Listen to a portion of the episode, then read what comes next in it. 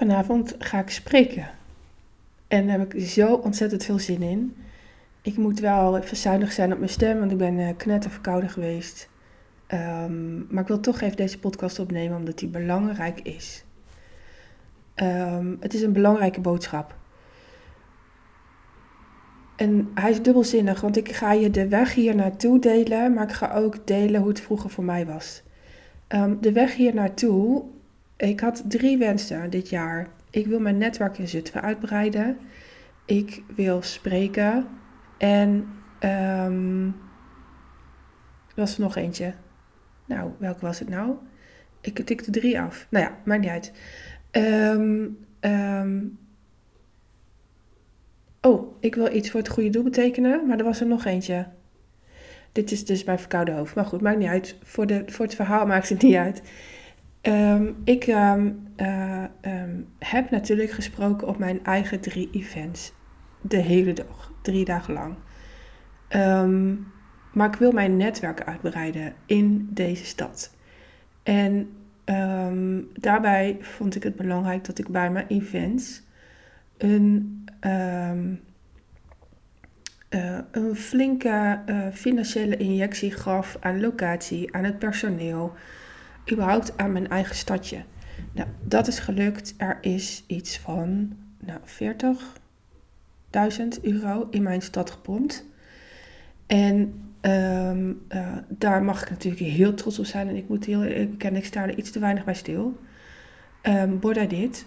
En um, uh, wat, wat super interessant is, is dat ik uh, de wens om mijn netwerk uit te breiden, om te spreken Um, uh, die heb ik losgelaten. Ik ga gewoon op pad. Ik, ik voel hem, maar ik ga dan ook op pad. Ik was er niet bewust mee bezig.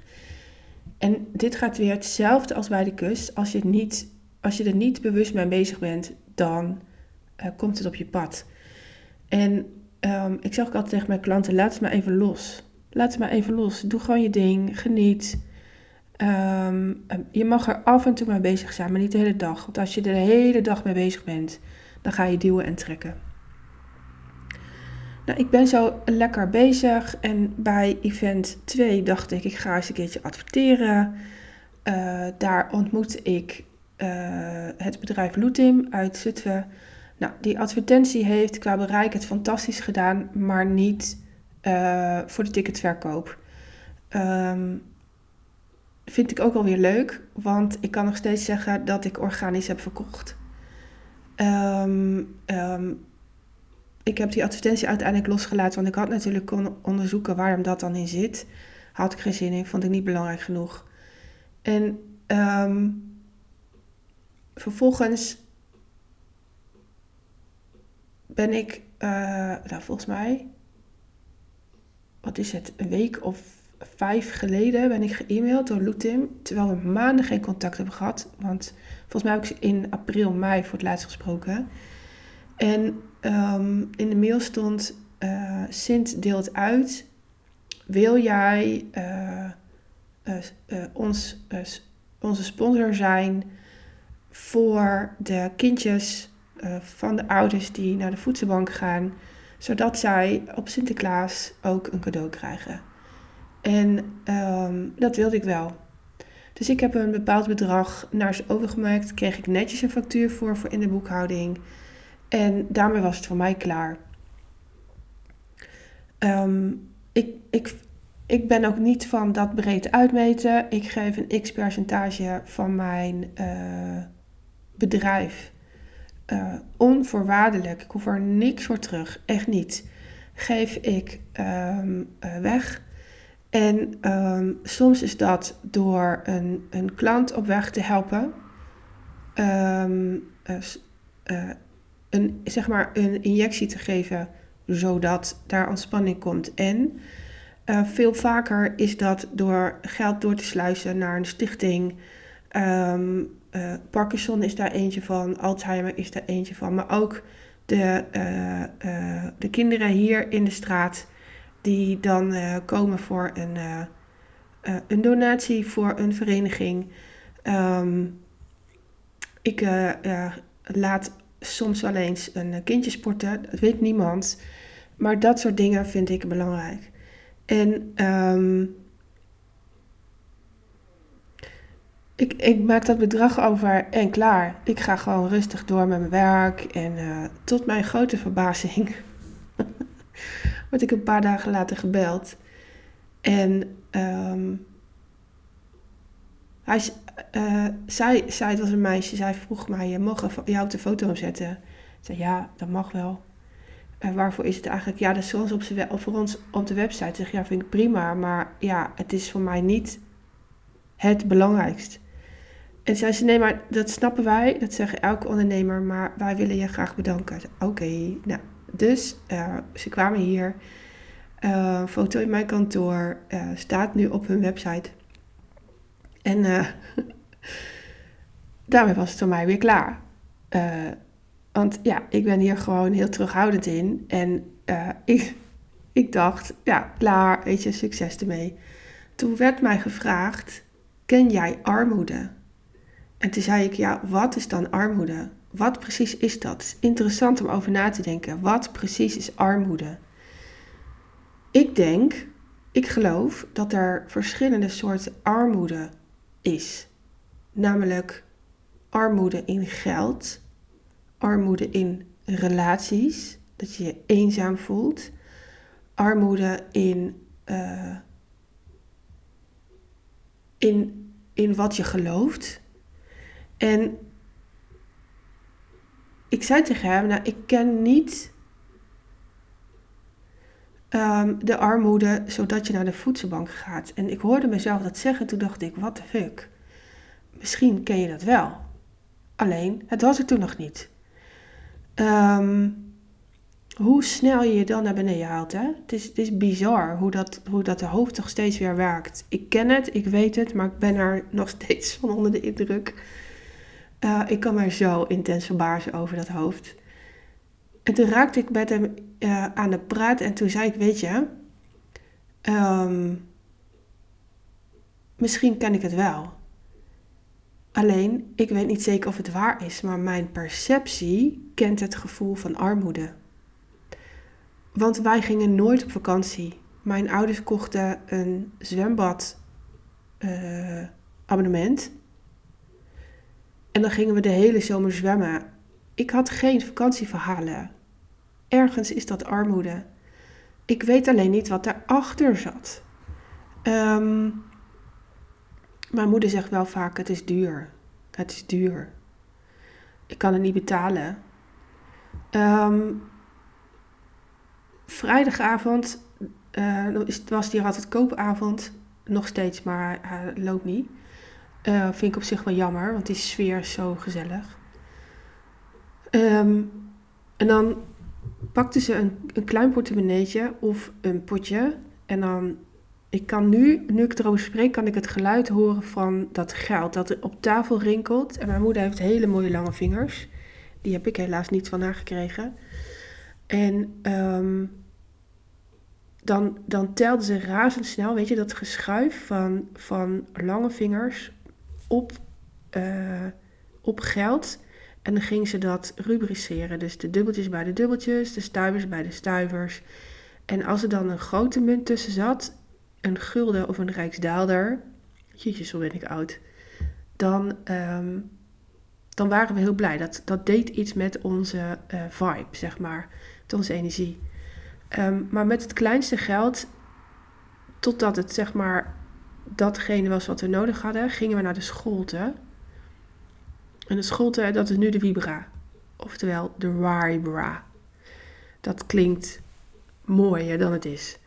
En, um, uh, en dan zei ze, kom, we gaan even wat lekkers halen. En ik weet niet of dat is omdat we arm waren. Um, maar het gaf mij wel het gevoel dat we arm waren. En tot op de dag van vandaag wordt daar niet over gesproken. Het is een no-go area. Waarbij um, ik de, uh, ja, de schoonheid ook kan ervaren um, van dat samen doen. Samen naar de school te lopen om een reep chocola te halen voor ons gezin. Ehm, en toen was ik volgens mij nog met één zusje. Ehm, het jongste zusje kwam later of die was net geboren, maar dat denk ik niet. Ehm, eh, eh, de schoonheid van samen en ik dan de oudste zijn en dat ze mij dan uitkiest om voor het gezin naar de school te lopen om, de, uh, om zo'n reep chocola of zak snoep te kopen. En ik weet het nog als de dag van gisteren, die lagen dan altijd bij de kassa. Bij de kassa was één grote wand met snoep. En ehm, daar mocht ik dan iets uitkiezen. En daarna liepen we samen weer naar huis. En dan stapte je weer zo'n fijn warm huis binnen. En um, nou, ging je thee drinken of zo'n kinderkoffie met een, een, een scheutje koffie, heel veel melk en tering veel suiker. Nou, dat was dan onze vrijdagavond. En um, waarom het mij een gevoel van armoede gaf, is dat wij nooit. Ik kan mij niet herinneren, eh, eentje. Ik kan mij één keer herinneren dat ik iets nieuws heb gekregen. En dat is een oranje fiets. De vraag is, was die nieuw? Hij zag er nieuw uit, maar ik heb een oom en die werkte bij de uh, gazellenfabriek. En die is heel goed in fietsen opknappen. Dus er zit een kans in dat hij helemaal niet nieuw was. Maar hij zag er wel heel nieuw uit. En mijn ouders waren een kei in uh, het kleine groot maken. De barbecleertjes haakte mijn moeder zelf, maar dat kon ze zo tering goed dat het eruit zag alsof ze had gekocht. Kleding, um, uh, die maakte zij, daar heb ik trouwens een trauma van. Want als ze nu wel eens zegt, zal ik het even kleiner maken of korter maken? Dan denk ik, oh mijn god, ik voel die naalden die ze vergeten was uit die kleding te nog in mijn kont steken. Um, uh, leuk hè, dit. Um, maar mijn perceptie van armoede leerde ik kennen doordat uh, klasgenootjes van mij op verjaardagen 100 gulden contant in hun handje kregen. En dan niet alleen van opa en oma, maar ook van ouders, van tantes, van ooms, van nou ja, eigenlijk de hele familie. Die hadden zo 1000 gulden bij elkaar en dan konden ze uh, het mooiste van het mooiste kopen. Ik kon dat niet. Ik had dat nooit. Ik had dat nooit. En um, zij waren daar trots op. En waardoor ik dan thuis kwam en dan altijd zei, ja, zij krijgen 100 gulden. En dat leek zo ondankbaar, dat was het niet. Zo voelde ik het niet. Uh, want ik was echt wel dankbaar voor wat mijn ouders mij gaven. Namelijk uh, dankbaar zijn voor het kleine in het leven. En dat brengt mij nu nog steeds heel erg veel. Het is waar, als je het kleine niet eert, ben je het grote niet weerd. Je kan het grote niet dragen als je niet dankbaar kan zijn voor het kleine. En daar zit ook een dik vet nadeel in. En dat is die armoede waar ik het over heb. En het raakt mij. Ik moet het me niet te veel laten raken, want over kwartier ga ik coachen. Um, de trots om niet te delen hoe weinig je eigenlijk hebt de trots om, om geen hulp te vragen terwijl je moeilijk hebt. Um, en maar mensen op blijven vangen als masker om uh, je eigen pijn te verdoezelen. Um, de trots. Uh, daar komt ook de uitspraak van, en heb ik vast ergens eerder een podcast uh, over gemaakt, dat mijn ouders voor iedereen de deur open hadden. Maar eigenlijk had ze het zelf heel lastig. Vraag je dit overigens aan mijn zusjes, zullen ze een ander verhaal delen. Um, en dat is heel logisch. Dat is in elk gezin zo. Ik ben de oudste en ik heb ook het meeste gezien, het meeste gedragen. Uh, ik voelde me het meest verantwoordelijk voor de gezelligheid in het gezin. En um, mij heeft best wel veel geblokt. Daar hebben we het wel eens over.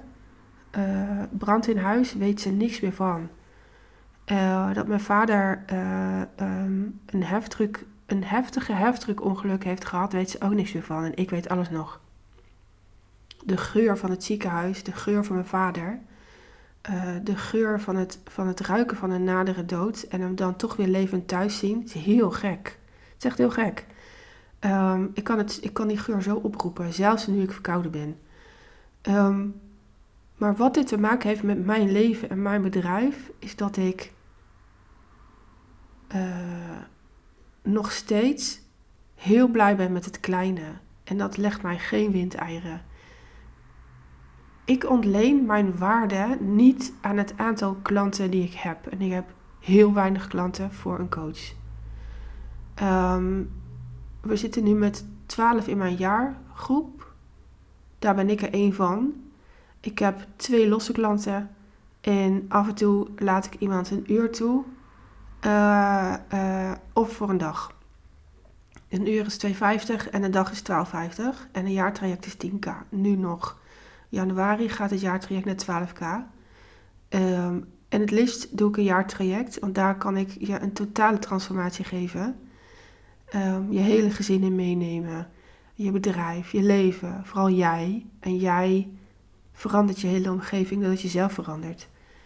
En doordat ik uh, dit ervaar, doordat ik dit weet, doordat ik dit ben, um, maak ik mij nooit zorgen om mijn waarde en dat wat ik voor een vrouw beteken. Terwijl ik zie bij mijn klanten, die willen groot, groter, groot. Ze slaan het kleine over. Ze willen van 0 naar 100. En dat gaat niet. Je moet eerst die kleine dingen die mij zo goed opvallen, uh, die moet je inzien, die moet je doorleven, die moet je voelen, ervaren, voor je naar groter kan. En dat gaat, geldt ook in prijsstelling, dat geldt in je waarde ervaren. Ga maar eerst op pad. Maakt niet uit wat je vraagt aan geld, echt niet. Ga eerst maar eens op pad. En dat maakt dat heel veel van mijn klanten rond de 1000, 2000 euro schommelen voor een traject. Ehm, eh, eh, of een fotografieklus, of een product, of een dienst. Ehm, omdat ze eerst moeten uh, tegenkomen wat, waar ze zichzelf tegenhouden. Um, want als, je, als zij direct naar 10k gaan of 20k, dan vallen ze om. En dat is voor mij niet de bedoeling. Het is niet mijn bedoeling om jou om te laten vallen, nooit niet. Ik wil wel jouw slechtst ik leren kennen, omdat jij jezelf daardoor leert kennen. En dit is wat ik zo al doorleefd heb, doordat ik heb gezien en ervaren hoe het is om in het kleine te leven. En ook ik ging voor het grootste door erkenning te halen buiten mezelf. En de, en de, de klasgenootjes van mij, die, um, die familie hadden, die, die ze steeds 100 gulden gaven die haalde erkenning uit dat geld. En um, dat heb ik nooit gehad. En um, ik mag dat wel wat meer gaan doen trouwens. Dat zei ik ook aan het begin van deze podcast. Ik mag wel eens wat trotser zijn op wat ik heb gepresteerd. Dat schrijf ik dus bij deze op en dat komt even in mijn agenda. Um, maar wat ik wil zeggen is: wees niet te trots om hulp te vragen. En haal erkenning niet van buiten. Wees dankbaar voor wat in jouw leven is en wat je overkomen is. En vraag dan hulp, tuurlijk liefst aan mij, ehm, om daar eens naar te kijken. Want er zitten zulke mooie lessen in, in wat jij nu aan het doen bent. Dus ik durf wel volmondig te erkennen, ja, ik heb armoede gekend. En daar zit zoveel moois in aan levenslessen. En daar ben ik dankbaar voor. Want als ik dat niet had meegekregen, had ik nooit mijn waarde gevoeld in een kleine groep hebben als coach. En daar zo zuiver kunnen kijken, zo zuiver kunnen handelen, zodat die verbinding daar zo bloedmooi is. Zo bloedmooi. Mensen zijn open, stellen zich kwetsbaar op en kunnen daardoor zo intens geraakt worden, zodat hun leven 180 graden wijzigt.